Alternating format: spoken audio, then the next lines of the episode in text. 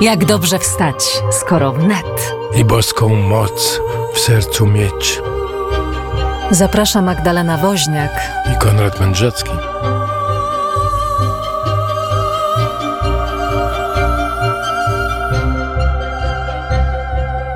Dzień dobry, witamy 8 października. Magdalena Woźniak. Konrad Mędrzecki, witam serdecznie. Dzisiaj naszym i Państwa gościem jest e, ksiądz doktor habilitowany Artur Kasprzak, teolog, historyk, duszpasterz, e, nowy nabytek w mojej parafii niepokalanego poczęcia Najświętszej Marii Panny, e, członek Polskiego Towarzystwa Opieki Duchowej w Medycynie. Dlaczego zaprosiliśmy księdza? Chcielibyśmy porozmawiać na temat cierpiącego człowieka dzisiaj. Szczęść Boże, bardzo serdecznie witam wszystkich słuchaczy. Ten temat e, jest e, tematem, który jest przede wszystkim znakiem czasu obecnego e, świata, w którym żyjemy.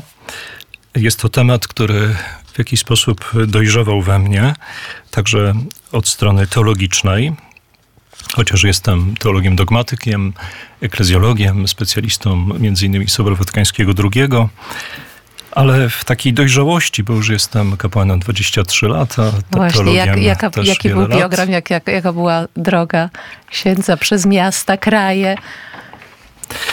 E, tak, to, to itinerarium e, było właśnie związane z zdobywaniem wiedzy takiej teologicznej. E, tutaj studia w Paryżu, najpierw doktorat, e, też kotutela w Leven przez 6 lat, później dalsza praca już w Polsce, taka wykładowa, później postdoc, czyli rozpoczęcie habilitacji znowu w Paryżu. No i w Warszawie kontynuacja poprzez habilitację, którą zrobiłem kilka lat temu.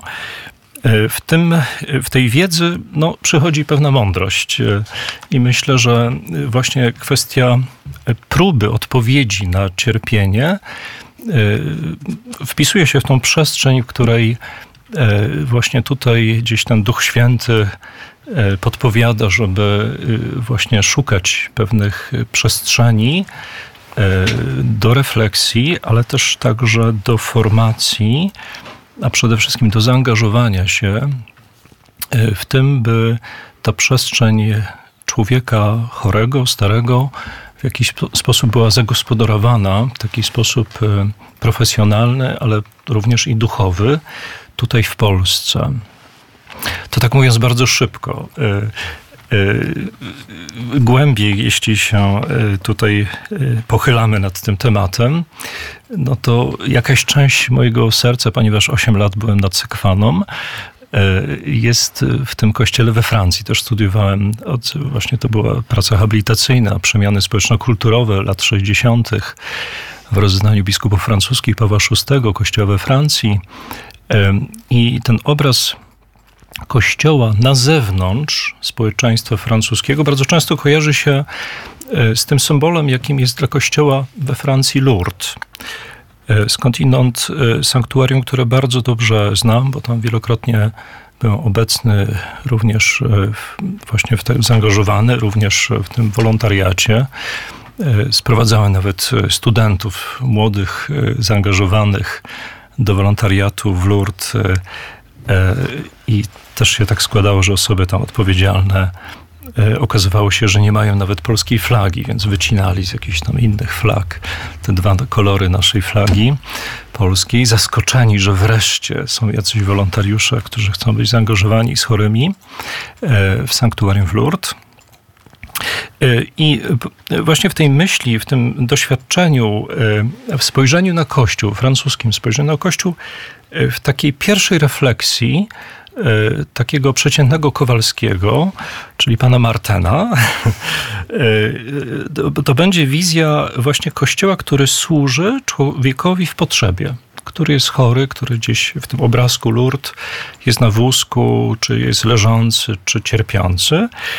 I, I, tak sobie pomyślałem, że w Polsce najczęściej tym pierwszym e, takim obrazem człowieka, e, kościoła e, e, zaangażowanego w społeczeństwie jest taki obraz wertykalny, jakim jest skądinąd też piękny obraz, jakim jest symbol Jasnej Góry. Ale tam jest właśnie ta kwestia takiej wertykalności, takiego spotkania, e, oczywiście nie tylko indywidualnego, bo tam są pielgrzymki, tam są ogromne e, ilości osób, które mają pragnienie i wyrażają pragnienie modlitwy, spotkania z Bogiem. Natomiast jako eklezjolog właśnie zadaję sobie to pytanie, e, czy czegoś nie brakuje w tym naszym polskim kościele? No, spróbowałem odpowiedzieć, że chyba tak, że brakuje właśnie tego e, przekucia, tego obrazu Kościoła na ten obraz e, właśnie tej posługi wobec człowieka. Bardziej służebny, tak? Tak, model kościoła bardziej służebnego, diakonalnego, to w teologii oczywiście jest znane. E, no i tutaj e, ta przygoda, że tak powiem, którą w tej już nie wiedzy, ale tej mądrości teologicznej gdzieś tam dojrzewam od, od kilku lat, e, no tutaj już doprowadziła mnie do pewnych ścieżek, o których mógłbym i chciałbym dzisiaj powiedzieć. Chociaż no, przyznam szczerze, że te ścieżki są jeszcze takie początkowe. To jest takie trochę w Polsce chodzenie po śniegu, gdzie nie widać ścieżki, tak? O, Idziemy macku. gdzieś, tak, e, szukamy chętnych i... Ale Duch Święty myślę, że tutaj poprowadzi wspaniale i taką mam nadzieję. nadzieję, oczywiście. No prawda jest taka że też, że pan Ogoniasty też bardzo nam przeszkadza, bardzo przeszkadza. Ja na przykład mam taką refleksję w związku z tym, co ksiądz powiedział odnośnie właśnie y, tego przebijania się do świadomości e, społeczeństwa. To znaczy, ja znam bardzo wielu e, księży wspaniałych, wspaniale pracujących. Wczoraj widziałem się z gwardianem tutaj kapucynów, którzy, którzy robią fantastyczne sprawy. Ale tego nie wiadomo. Ludzie tego nie wiedzą. Wszyscy ulegają, że tak powiem, e, takiej agresywnej narracji, która się pojawia w przestrzeni publicznej i ona się pojawia. No dzisiaj, no na przykład jadąc tutaj widziałem po prostu no, no okropne y, jakieś takie e, e, właśnie przekazy narracyjne, pewnie związane też z wyborami, no ale już e, pominimy, ale tam było e, tak, taki napis się e, zamieniał, kość niezgody i później do, do, doklejono kościół niezgody, więc to jest taka narracja, to jest Gazeta Wyborcza firmuje takie, mhm. takie właśnie przekazy i właśnie no nie macie specjalistów od, że tak powiem, PR-u, e, wydaje mi się, taka, to jest moja refleksja takiego człowieka, no troszkę z boku, który kocha Kościół i kocha Jezusa Chrystusa, ale, ale nie ma tego przełożenia właśnie na E, na, na to, żeby ludzie wiedzieli. Znaczy, narzędzia są, tak? Bo nawet to słowo kość, kościół, to jest takie no, polskie słowo, które wskazuje na y, tą wieżę, to, tak jak ręka kości wskazuje gdzieś tam na niebo, ta wieża wskazuje na niebo, ten, ten wymiar wertykalny Tymczasem Kościół to jest eklezja, to jest wspólnota, to jest ona w językach romańskich też e, e, widzimy, że to jest ten wymiar też e, kobiety, tak, matki. I tutaj, opiekunki. Tak, opiekunki. I tu już na przykład w takim wymiarze teologicznym E, widzimy, że to jest jakaś ogromna redukcja, którą się wykorzystuje na przykład w tym atakowaniu, nie? takim, e, których celem oczywiście są prawdopodobnie ideologiczne e, czy polityczne, natomiast jedno z drugim jest bardzo blisko siebie w takim pozytywnym wymiarze zresztą, ale no, oczywiście rzeczywistość Kościoła jest cały czas czymś głębszym, i faktem jest, że E, ja to też bardzo często powtarzam, takie zdanie, które powiedział e, mój znajomy profesor, który kiedyś był promotorem mojej pracy e, w Uniwersytecie Katolickim w Leuven, Matthias Lambritz, where the theology is, the religion is the matter. Tam, gdzie jest teologia, tam religia jest czymś ważnym. Jeśli no, tutaj rzeczywiście Kościół, to znaczy my wszyscy, E, nie będziemy się bali podejmować e, tej właściwej teologii. To jest tym rodzajnikiem the, To znaczy nie tej kuchennej, ale takiej odważnej, pogłębionej, otwartej na, na trudne pytania. Między innymi cierpienie jest tym trudnym pytaniem, tak? Moglibyśmy tu rozmawiać, nie wiem, o rzeczywistościach. E, to dotyka oczywiście tego undemalo, tak? Tego, tego pytania, skąd zło? Skąd no bo zło to jakby, jakby wynikiem zła jest cierpienie w dużej mierze, przynajmniej tak w, na pierwszy rzut oka. No tak, widzę, że pan redaktor Konrad tutaj nas e, prowadzi w te ścieżki e, fundamentów. I też jesteśmy na nie przygotowani dzisiaj. Ale żeby ja chciałabym jednak tak. wrócić do tej opiekunki i matki i właśnie godności. I chciałabym zapytać, e, no bo jest też miesiąc e, październik, o Maryję i Lourdes. Tak, Lourdes jest e, dobrem taką przestrzenią, w której od razu widzimy nawet w taki zewnętrzny sposób odpowiedzi nawet nie tylko Kościoła, ale objawienia Bożego, czyli to, co nam Bóg sam mówi o sobie.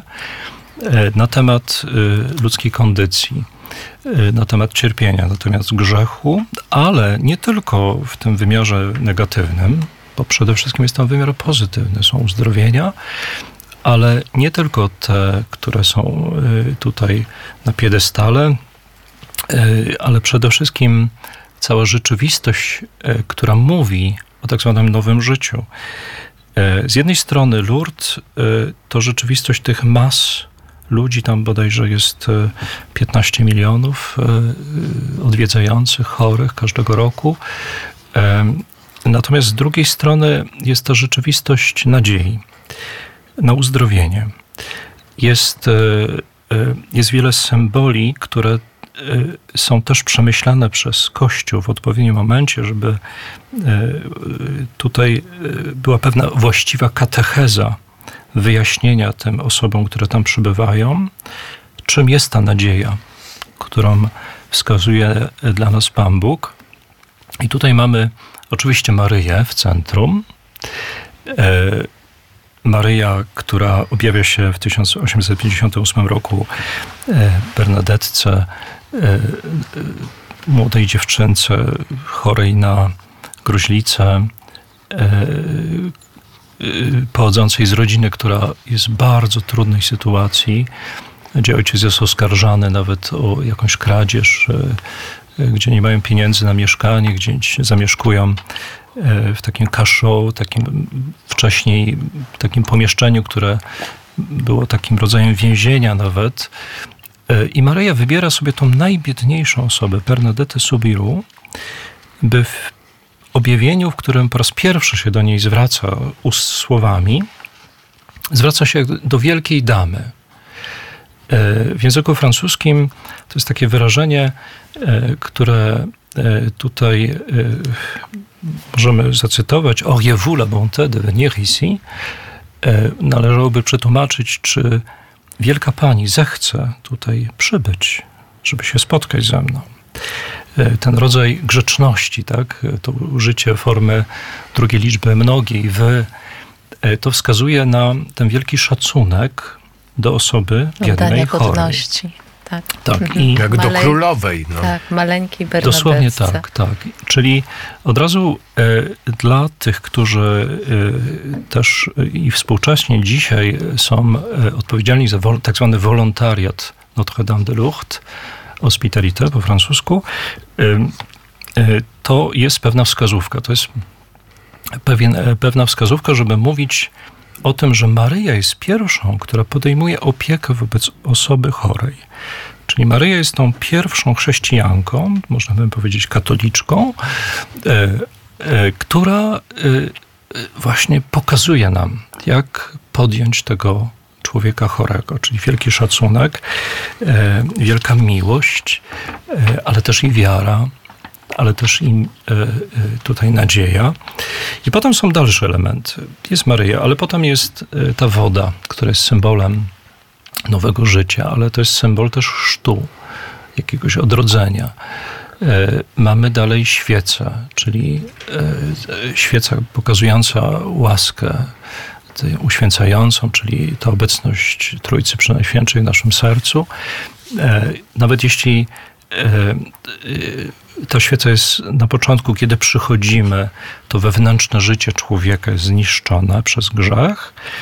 E, ten człowiek ma szansę, ma nadzieję, on się, może się obmyć, tak? staje się nowym człowiekiem, pojawia się światło, to zewnętrzne też.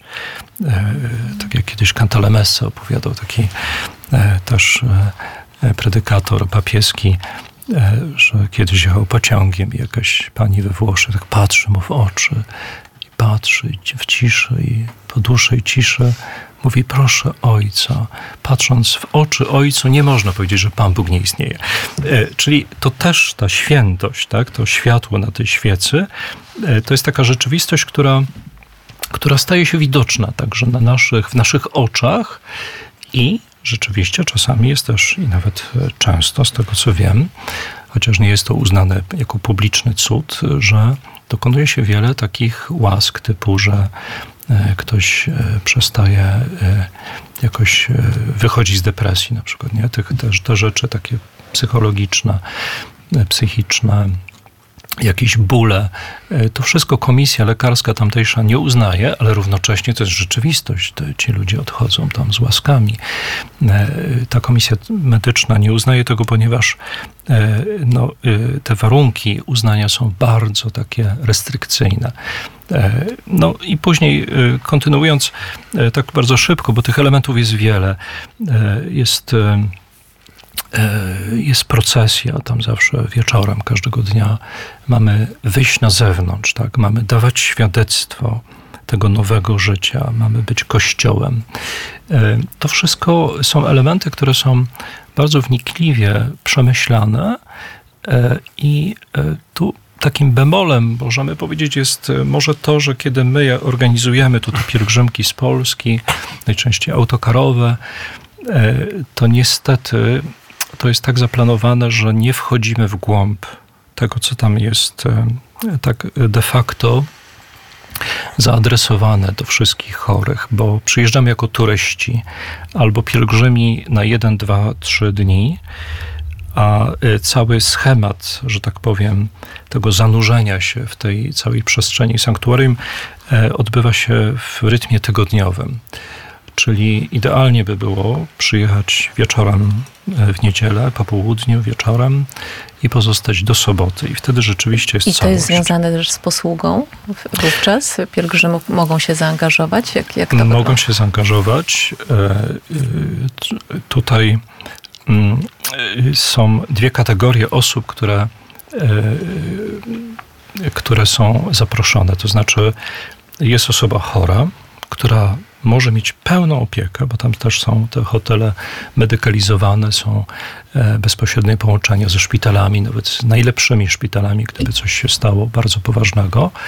E, a druga kategoria osób to jest y, sanktuarium zaadresowane dla osób właśnie ch chcących być absolutnie zaangażowanym w wolontariacie. I wtedy jest pewna formacja, która zaczyna się w poniedziałek rano. Jest, odbywa się ona w kilku językach. Wybieramy język, czy to będzie francuski, czy to będzie angielski, niemiecki. E, może jest jeszcze włoski, jak sobie tak przypominam, e, te cztery języki. Są konferencje, e, no trochę tak jak ta nasza dzisiejsza audycja, tak? W ogóle czym jest cierpienie, czym jest człowiek, antropologia, Pan Bóg, historia objawienia. No i później są różne takie podzielone sekcje tej posługi. No, jak to bywa w życiu, jeśli ktoś dopiero zaczyna i e, tego doświadczenia nie ma wiele, e, także nawet jeśli język tam nie jest doskonały, no to najczęściej e, ta sekcja pierwsza tego doświadczenia to jest zmywanie. Plus jeszcze jakaś tam, na pewno jest już jakaś osoba do opieki. Czyli prośba, żeby prawda, wyprowadzić tą osobę na jakieś tam modlitwę, dostosowanie się do tej osoby. Czyli to jest takie zaproszenie, żeby stać się Maryją. Żeby wobec tej osoby chorej przez ten tydzień. E, I co ciekawe, e, w tej formacji wolontariatu bardzo często są osoby niewierzące, które przybywają, bo chcą służyć człowiekowi. I bardzo często się zdarza, że te osoby niewierzące, często są to młode osoby, widzą świat inaczej. I nie tylko świat, czyli drugiego człowieka, także samego siebie. I w pewnym momencie pojawia się coś takiego, e, no, co nazywamy łaską wiary, tak? bo e, ta osoba widzi, że e, no, tu się dokonuje jakiś progres, jakiś, jakaś zmiana na lepsze.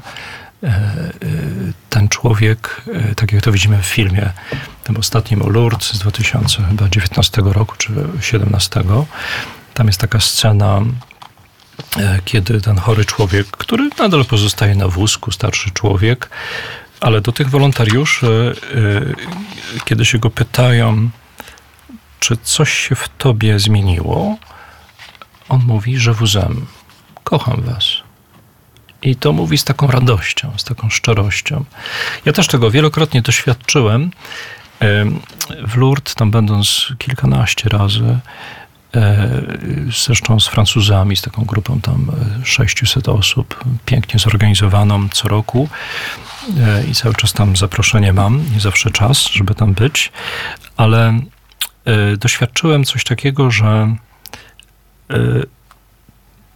wierzę bardziej w człowieka nawet. Oczywiście w Boga wierzę, tylko tu jest taka jakby odnowa wiary w człowieka. Tak, bo...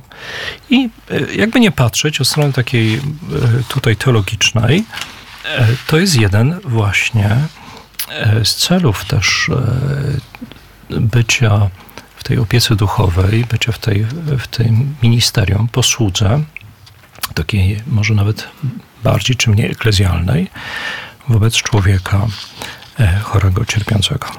Zrobimy sobie teraz przerwę i poproszę Psalm 126. Jak dobrze wstać, skoro wnet. Wracamy do rozmowy z księdzem Arturem Kasprzakiem. W poprzedniej części rozmawialiśmy o Lourdes. No właśnie, to się wyłania taki wymiar e, Lourdes, e, który ma też wymiar nie tylko duchowy, ale też praktyczny. A jak to wygląda w Polsce u nas? Są piękne rzeczy, które się dzieją. E, I chciałbym tutaj wspomnieć o takim przepięknym wydarzeniu, na które zostałem zaproszony e, i brałem udział e, całkiem niedawno, dosłownie kilka dni temu, nastąpiło uroczyste takie otwarcie sanktuarium uzdrowienia chorych w jednej z parafii archidiecezji poznańskiej, dokładnie w Smolicach. Piękne wydarzenie, w którym został koronowany obraz Matki Bożej wcześniej pocieszenia, a decyzją arcybiskupa, także episkopatu, bo to był cały projekt przygotowywany przez wiele lat, żeby właśnie coś takiego stworzyć, jako taką też odpowiedź, taką eklezjalną na ten właśnie znak czasu, jakim jest E, człowiek chory, między innymi pandemia, którą przeszliśmy. E, e, piękne wydarzenie. Kilka, może nawet 10 tysięcy czy ponad osób tam zebranych. Obecność kardynała Duka, wielu biskupów, wielu kapłanów, ale przede wszystkim wiernych i przede wszystkim całej grupy młodzieży, nawet i dzieci, które zmagają się z chorobami no, trzeba powiedzieć wprost, terminalnymi, e, zmagają się z nowotworami. I to była taka scena też wzruszająca, którą możemy nawet znaleźć na YouTubie, wpisując nazwę Smolica, e, koronacja tutaj, czy sanktuarium uzdrowienia, e, kiedy no, ci wszyscy tutaj ministr, posługujący, prawda, pasterze naszego kościoła poświęcili odmówili te wszystkie modlitwy, które należało. E, e, już prawie, prawda, wszyscy e, reporterzy już odchodzili, wydarzenie prawie już, no, msza się kontynuuje, już się zakończyło, ale nagle podchodzi właśnie ta grupa dzieci, tej, tej młodzieży, doświadczona tym znakiem tej realności, tej, tej naszej ludzkiej kondycji cierpienia. E, I nagle poruszenie takie, to wszyscy byliśmy dotknięci. E, ci fotografowie, ci dziennikarze nagle wracają do tego obrazu i widzą e, to, co się dokonuje oczywiście w sercu, ale też w tym wymiarze zewnętrznym. Myślę tutaj o takiej Weronice, z którą rozmawiałem zaraz po tej mszy świętej. Tutaj też przyjeżdża na leczenie do Warszawy. E, do szpitala e, i no, zbliża się do obrazu, dotyka go, całuje i widać e, to napięcie, to, tą nadzieję. Ten człowiek, który jest w tej bezsilności, ale tą czystość wiary, bo to jest, no to jest człowiek młody, tak? właściwie dziecko. No i ta prośba wyrażona do Boga przez Maryję, o uzdrowienie. Od strony takiej teologicznej cały czas mamy tutaj ten znak nadziei. Tak jak mówi Sobór Watykański II, Maryja jest znakiem nadziei. I tak jak e, nam podpowiada też tradycja Kościoła, między innymi, no właśnie Lourdes, e, Maryja jest tą pierwszą, która też wyprasza te łaski. To nie jest tak, że ona po prostu ona uzdrawia, bo uzdrawia Jezus, ale jest tą, która, przez którą to uzdrowienie y, też w jakiś sposób przychodzi do nas. E, tutaj jeszcze wspomnę o Lourdes, też kolejnym znaku, który mi się teraz to przypomniało. E, ta grota, która wychodzi w tej, w tej skale masobielskiej, tak zwana masobielska, ona z drugiej strony, ta cała góra, jak się tam wejdzie, e, używając tej e, starej drogi krzyżowej, tam się wchodzi na tą górę z tyłu bazyliki i w pewnym momencie się dochodzi do, do tej samej skały, ale z drugiej strony, gdzie jest taka olbrzymia skała pęknięta i to jest stacja złożenia Pana Jezusa do grobu. I tak sobie pomyślałem, że tam jest ta śmierć ale z drugiej strony tej skały, to jest właśnie tam na dole, gdzie jest Maryja, jest życie. Tak? I to jest to przejście, pascha. Tak? W chorobie e, e, jest punkt, e, najpierw zdrowie jest punkt A, przychodzi choroba jest punkt B, e, to, e, to wyleczenie, ale także uzdrowienie, to są dwa różne pojęcia, to nie jest powrót do punktu A. To już jest punkt C. I teraz y, właśnie w teologii mówimy o pasrze, czyli tym przejściu. E, całe nasze życie jest przejściem, każdy moment naszego życia e, i e, choroba w jakiś sposób też to jest, to jest pewna, pewne wyzwanie, żeby zobaczyć, że ostatecznie idziemy do przejścia, jakim jest zmartwychwstanie. I to przejście musi w pewnym momencie przejść także przez śmierć. E, czyli choroba i nawet śmierć ostatecznie e, wpisują się w pewne dobro, do którego zostaliśmy e, zaplanowani. A czy był jakiś osobisty powód? Że ksiądz właśnie podjął się, mm, jakby no, rozeznał w swoim sercu, że to cierpienie, jakby ten temat y, chciałby jakby dalej rozwijać w swoim życiu, podejmować. Tak, tak jak mówiłem, y, to, to przyszło w takiej mądrości, ale też w kontekście y, właśnie tego Lourdes, do którego byłem spontanicznie zapraszany przez przyjaciół z Francji, wielokrotnie, ale w pewnym momencie, to było całkiem niedawno, to był jeszcze jak byłem w Paryżu na postdoc, czyli tym rozpoczęciu habilitacji, mój y, znajomy, z którym byłem nad y, profesor, wielki profesor teologii, eklezjologii, e, świętej pamięci Laurent Villemain, e, bardzo ciężko zachorował na nowotwór. E, no i w tych rozmowach w pewnym momencie on się, zresztą już wszyscy wiedzieliśmy, że coś się dzieje, że, że choruje, że podejmuje terapię, że jest leczony. E, zaproponowałem w takim razie, że mogę, jeśli by chciał, akurat byłem wtedy w Paryżu, tam w jednej z parafii, zorganizować dla niego taką specjalną modlitwę. To znaczy, tak, żeby to była dedykowana dla niego. To znaczy, jest księdzem, więc tam razem odprawiliśmy mszę. E, zaprosiłem e, różne osoby e, z takich właśnie grup modlitwy wstawienniczej. Tam był jakiś diakon stały, tam był taki pan, który się nawrócił, którego zresztą, o, moglibyście zaprosić tutaj do radia kiedyś Lohongę, taki człowiek wyrwany z piekła, jest taka książka nawet przetłumaczona na język polski, który no, był narkomanem, był w więzieniu, oskarżony nawet o zabójstwo. I jego historia w ogóle mówi o takiej, właśnie o tej łasce wyzwalającej, ale także uzdrawiającej. No więc modlitwa się odbyła, był sakrament chorych. E, modliliśmy się, e, no dobre, nie wiem, może półtorej godziny nawet, w, tym takim, w takiej eklezjalności, tak, tak jak mówi Słowo Boże.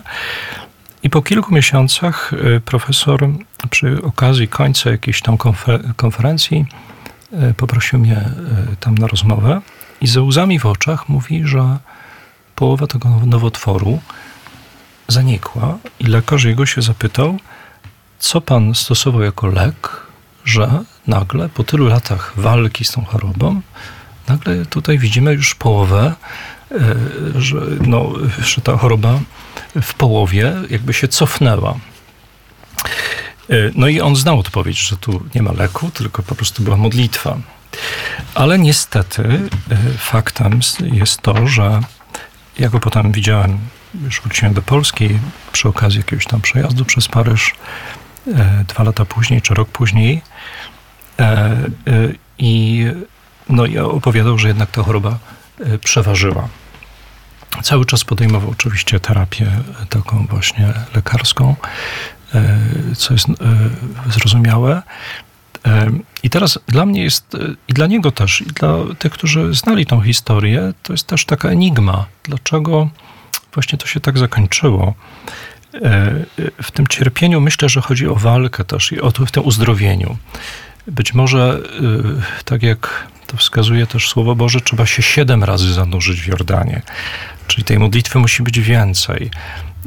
Tam jeszcze próbowałem też go jakoś ukierunkować, ale później E, to już zależy od właśnie tej chorej osoby, żeby ona psychicznie też się nie załamała. Tak, tak, bo y, wtedy jak go spotkałem, to rzeczywiście on już zaakceptował, że to idzie w tą stronę y, i Dlatego ta nadzieja właśnie w tej, w tej opiece duchowej jest bardzo ważna, żeby nie była tylko takim towarzyszeniem w stronę końca, znaczeniu E, tutaj już nadziei tej ostatecznej. Nie? Francuzi mówią espérance, nie espoir, czyli mają dwa słowa na słowo nadzieja.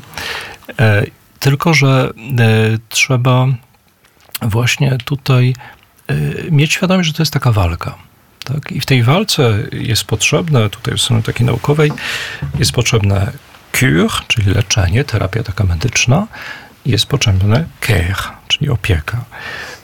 Jedno i drugie. Ale w tej opiece, w tym drugim pojęciu jest pojęcie opieki duchowej, czyli też modlitwa i też e, ten wymiar e, uzdrowienia, czy to będzie modlitwa charyzmatyczna, czy sakramentalna, to wszystko mamy w kościele i właśnie chodziłoby o to, żeby e, to wszystko uruchomić i żeby też nauczyć tych, którzy będą podejmować e, tego kontaktu z chorym, e, tych wszystkich e, właśnie elementów wiedzy, umiejętności i kompetencji społecznych.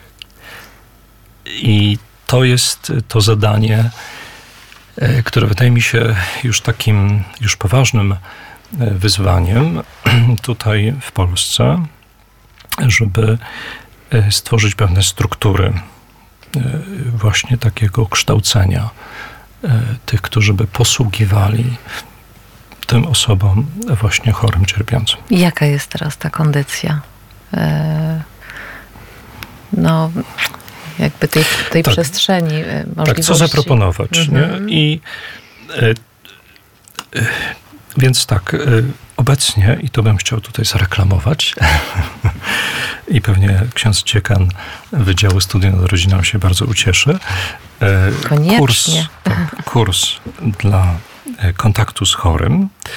Mamy konkretny tutaj projekt właśnie tego kursu na Wydziale Studium nad Rodziną UKSW Uniwersytetu Kardynała Wyszyńs Stefana Wyszyńskiego, który jest dedykowany dla kapelanów i kandydatów dla kapelanów szpitali, hospicjów, domów seniora. Adresaci. Kurs jest skierowany dla osób posługujących chorym w hospicjach, szpitalach, ośrodkach pomocy społecznej, domach seniora, domach opieki, kapelanów, kandydatów dla kapelanów szpitalnych, wszystkich osób pełniących posługę w innych miejscach pomocy osobom chorym, starszym, umierającym. E, e, tutaj, e, no, przyznam się, że mam taką ściągę. Nie będę zamęczał. Wszystko jest na stronie internetowej, wpisując Wydział Studium nad Rodziną, kurs kontaktu z chorym. Kurs, tylko powiem tak bardzo szybko, będzie obejmował 10 zjazdów, dwa semestry. Połowa tych zjazdów będzie online, więc jest bardzo praktyczna ta przestrzeń. Najczęściej te zjazdy będą miały miejsce w soboty i no, zapraszamy do wzięcia udziału. Ale czy to jest dedykowane tylko dla, że tak powiem, profesjonalistów, to znaczy dla kapelanów i dla ludzi związanych z, z przestrzenią szpitalną? Czy Nie, właśnie dla... może być ktoś, kto na przykład w wyniku także tej audycji e, rozezna, że e, właściwie on się cały czas tym zajmuje, tak? bo jest w jakiejś tam przestrzeni właśnie tego bycia z osobą chorą, czy e, w jakiejś potrzebie, czy na przykład właśnie indywidualnie jeździ do Lourdes, żeby tam być w tym wolontariacie, to tutaj jak najbardziej ten kurs sprawi, że no, będzie pewna synteza tutaj tej wiedzy, ale także takie wdrożenie w umiejętności, czy te kompetencje społeczne. I no, docelowo, to mogę tak zapowiedzieć, i tego możemy się także spodziewać w Polsce. Tak jak jest w krajach zachodnich, kapelan w szpitalu e, może być zatrudniony na podstawie certyfikatu państwowego, e, a żeby go zdobyć, e, dana uczelnia, na przykład takich jest kilka w Paryżu, jest no, między innymi ten Instytut Katolicki w Paryżu, ale też w Angers, bo też mam kontakt z tymi tam prowadzącymi te kursy, że oni e, e, wypełniają te różne wskazówki, które są e, tutaj sformułowane przez Ministerstwo Zdrowia, żeby uzyskać taki certyfikat. Natomiast uczelnia rozszerza jeszcze o dalsze kompetencje, właśnie to kwestia objawienia, kwestia znajomości też takiej ekumenicznej, jak kwestia cierpienia jest widziana nie tylko ze strony katolików, ale protestantów, prawosławnych, czy także innych denominacji chrześcijańskich, czy nawet innych religii. W każdym razie e, e, to bycie kapelanem coraz bardziej w tym świecie współczesnym wymaga e, kompetencji. I obecnie jest tak, że te kompetencje oczywiście są zdobywane na podstawie tych studiów i sześcioletnich czy dłuższych kapłanów, którzy posługują tutaj na terenie Polski w różnych przestrzeniach, także w, przestrzeni tego szpitalnictwa, ale no, my tutaj wychodzimy jakby naprzód z tą formacją, mając świadomość, że być może za, za parę lat trzeba będzie, że to będzie pewnym standardem. Tak? Od takiej strony właśnie tutaj tego bycia z chorym.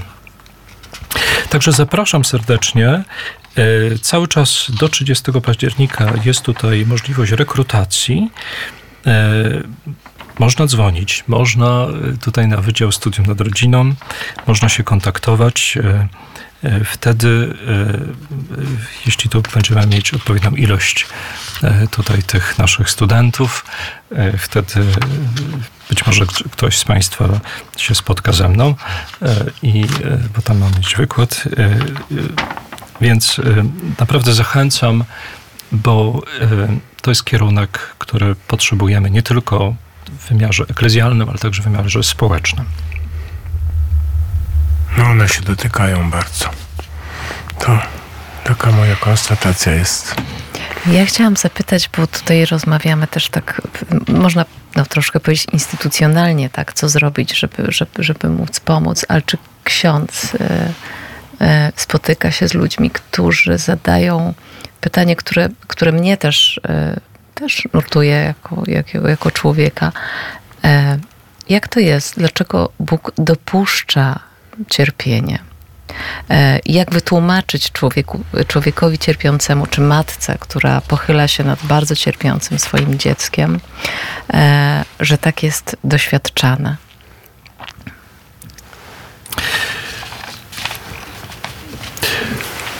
Mamy odpowiedź e, taką najgłębszą, biblijną. Tutaj też przed audycją rozmawialiśmy o księdze Syracha, tak, że to doświadczenie jest można porównać do złota, które prawda, się oczyszcza w ogniu. E, w tym wymiarze biblijnym to jest ta pascha, czyli jesteśmy w drodze, e, w drodze tej eschatologicznej, takiej właściwej, właściwie rozumianej, to znaczy, że jest pewne wypełnienie, e, że nasze życie jest pewnym programem do rozwoju że to nie jest tak, jak mówił Jean Rousseau, że nie wychowujcie dzieci, e, one same dojdą do pełni człowieczeństwa i cywilizacji. Zdaje się je porzucił swoje własne też i w ogóle tak. ich nie, nie, nie, nie, nie widywał. No chyba, że te z rewolucji to jednak tam troszczył się o nie, te rewolucyjne dzieci, ale e, e, tak, tu, tu jednak widzimy, że e, jesteśmy zdezintegrowani, bo y, no, teologicznie odpowiadamy, bo jest grzech pierworodny, bo jest ta rzeczywistość tej kondycji ludzkiej, która jest skażona. I my to w tym objawieniu naszym biblijnym nazywamy grzechem e, pierworodnym. Jest rozróżnienie też grzech pierwszy i pierworodny, ale pierworodny, czyli jak mówi e, tam święty Paweł w piątym rozdziale listu do Rzymian, to jest e, E, to coś, co przenosi się też przez pokolenia i się nakłada jeszcze dodatkowo, e, to, to zranienie. A później, jak Sobor Trydencki mówi, że to zarzewie, ono jest gładzone przez chrzest, e, tą mocą odkupienia Chrystusa, ale jeszcze zostaje to, to pęknięcie w nas, tak? Czyli ta skłonność do tej dezintegracji. I teraz od strony teologicznej musimy zobaczyć, że to ta, ta droga, e, to ta przygoda e, właśnie tej paschy, tego, tego pójścia w stronę tego wielkiego planu Bożego dla nas, ona e, tutaj ma wskazówkę w Chrystusie Jezusie, w Synu Bożym. To jest ta druga osoba Trójcy Przynajświętszej. I zaglądając do takiej bardzo ciekawej książki Borosa, istnienie wyzwolone, e, właśnie wczytujemy się w jego myśl i możemy powiedzieć, że przez poznanie i umiłowanie drugiej osoby boskiej, czyli Jezusa Chrystusa, e, możemy na nowo powrócić, wniknąć w boskość, czyli w tą rzeczywistość e, tego raju, tego, do czego jesteśmy adresowani, zaplanowani. To znaczy, E, jak mówi Boros, e, wtedy e, skupimy w sobie cały świat i, i to nas doprowadzi, to Chrystus nas doprowadzi, byśmy osiągnęli ostateczne spełnienie, czyli ten raj. Chrystus jest po prostu na tej pasrze, na tej drodze potrzebny, żeby dojść do celu. Tak? W takim obrazie Japonii, tam też paru mam znajomych z Japonii. Jedna pani też się tam nawracała i jeden ksiądz jej powiedział, bo ona chciała być i buddystką, i chrześcijanką, ale powiedział, czy sądzi pani, że dwie drogi na szczyt góry mogą być podejmowane równocześnie przez jednego człowieka. No mi nikt, nikt nie zadał tego pytania, a ja y, miałam bardzo podobne doświadczenie, bo ponieważ na 20 lat siedziałam też na buddyjskiej poduszce mhm. y, i w pewnym momencie musiałam zadać sobie to fundamentalne tak albo nie, którą, którą drogą można I to tak najczęściej się dokonuje w doświadczeniu nie tylko takim intelektualnym, ale doświadczeniu miłości. E, że odkrywamy, tak jak e, Paul Claudel, e, że tout d'un. W jednym momencie, że ty jesteś kimś, nie? Że wchodzimy do kościoła, nie wiem, jak Ratisbon, gdzieś tam w Rzymie i w jednym momencie wychodzi z kościoła wierzący. Nie? To jest, ale to dlatego, że jest takie doświadczenie miłości, takiej też prawdy, możemy też nazwać, jakiegoś światła. E, I teraz właśnie, e, jeśli zbliżamy się do e, tej, tej osoby, to musimy wprost powiedzieć Chrystusa, czyli Mesjasza, to spontanicznie wyczuwamy, tak wewnętrznie, że tu jest właśnie jakby, można powiedzieć, ten, ten TGV, wystarczy tylko wsiąść i już ta podróż rozpoczyna się bardzo szybko. Idziemy do przodu, bo owszem, możemy iść w dobrym kierunku, ale pójdziemy powoli. E, e, tam może się wiele historii zdarzyć takich, które spowodują, że zagubimy się na tej drodze. To była też dyskusja Soboru Watykańskiego I na ten temat, e, że to to naturalne te tutaj te Kiedyś mówiono naturalne objawienie, to lepiej dzisiaj powiedzieć, no, nie ma czegoś takiego, ale e, to, to pójście za sumieniem w takim wymiarze naturalnym, poza Chrystusem, jeśli ktoś jest tam wierny samemu sobie, e, to będzie dobre, będzie właściwe, ale nie da pewności, że się osiągnie ten, ten cel Paschy. Więc... Krzyż człowiekowi jest potrzebny, bo to jest prawdziwe serce Kościoła. No ja i też bym wrócił do, e, tam, do świętego Jana, tam e, słowa Chrystusa, na świecie ucisk mieć będziecie, ale ufajcie, ja zwyciężyłem świat. To można też chyba w kategoriach cierpienia, nawet choroby, ja nie wiem jak ksiądz teolog, ale ja to tak też odczytuję. No, trochę tak jak błogosławiony kardynał Wyszyński powiedział, że Chrystus dał się pochylić pod ciężarem krzyża, żeby ludzkość mogła się wyprostować. E, więc e, tak, tak, jest, to jest lekarstwo. Sam Chrystus, widzimy jak się modlił tutaj na, prawda, na w ogodzie Ogrojcu, było mu ciężko ten kielich wypić po ludzku, przeżywał w takim wymiarze ludzkim, E, też taki rodzaj no, takiego dramatu. To jest jakieś też wielkie misterium, w ogóle tajemnicy Boga, że, że to cierpienie e, On pozwolił e, wprowadzić do swojego serca. I, i ostatecznym tym znakiem jest kenozis, to uniżenie Boga aż do śmierci, do śmierci krzyżowej, jak mówi potem święty Paweł w liście do Filipian. Więc E, e, tak, ale e, też, żebyśmy nie byli oskarżani, zwłaszcza jako katolicy, i o coś takiego, że się zatrzymujemy tylko na tym cierpieniu. Nie? Tutaj tak, od razu się to no właśnie, tak spotyka, ten to zarzut. Jest pascha. Ty jesteście Naprawdę? tacy cierpiętnicy, się nurzacie w tym cierpieniu, się rozkopujecie. No, tu końcówka jest, ja zwyciężyłem świat, czyli to jest pełna nadzieja właśnie, ta, ten dokładnie raj. Tak, dokładnie tak i nadzieja to jest słowo, które absolutnie teologicznie e, jest dla mnie takim słowem cały czas, e, które ma wielkie potencjalności i jest e, za mało, między innymi w tym świecie też cierpienia, za mało rozeznana.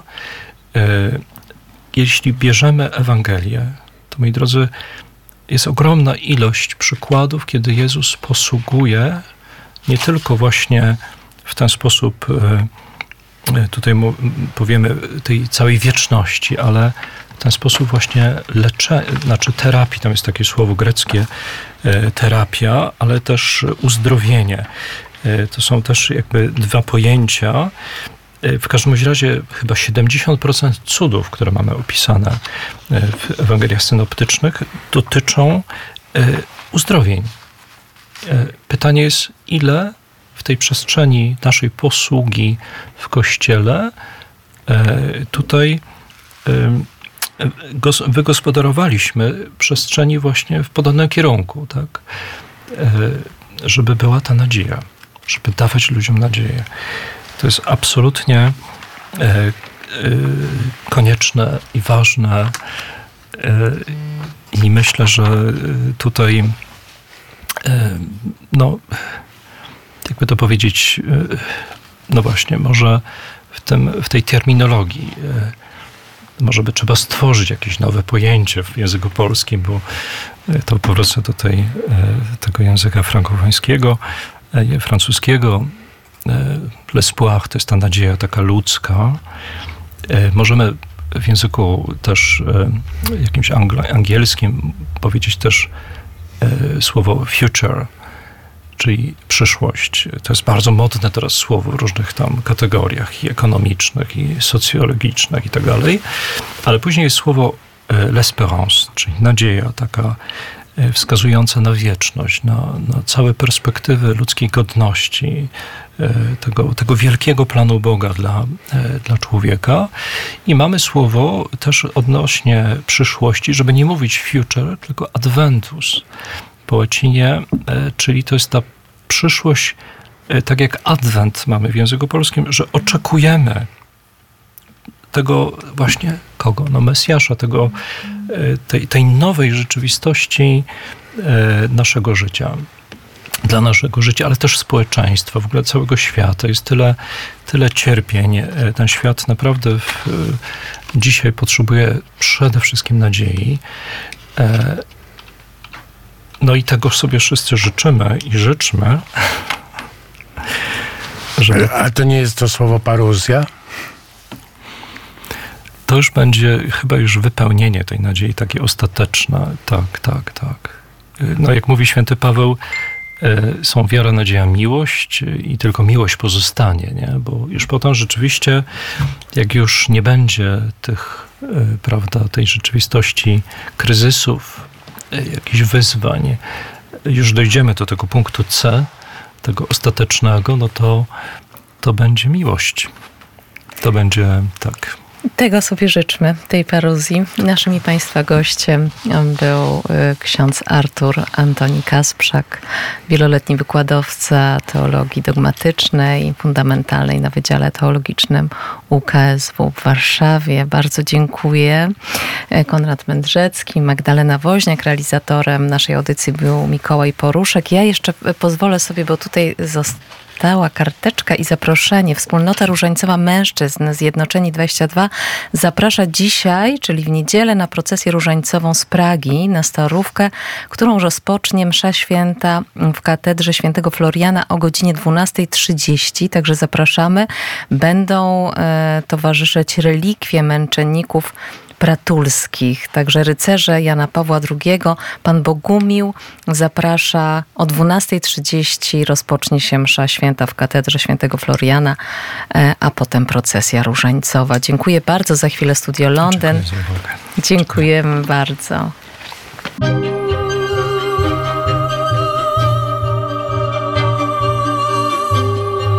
Jak dobrze wstać, skoro wnet. I boską moc w sercu mieć. Zaprasza Magdalena Woźniak i Konrad Mędrzecki.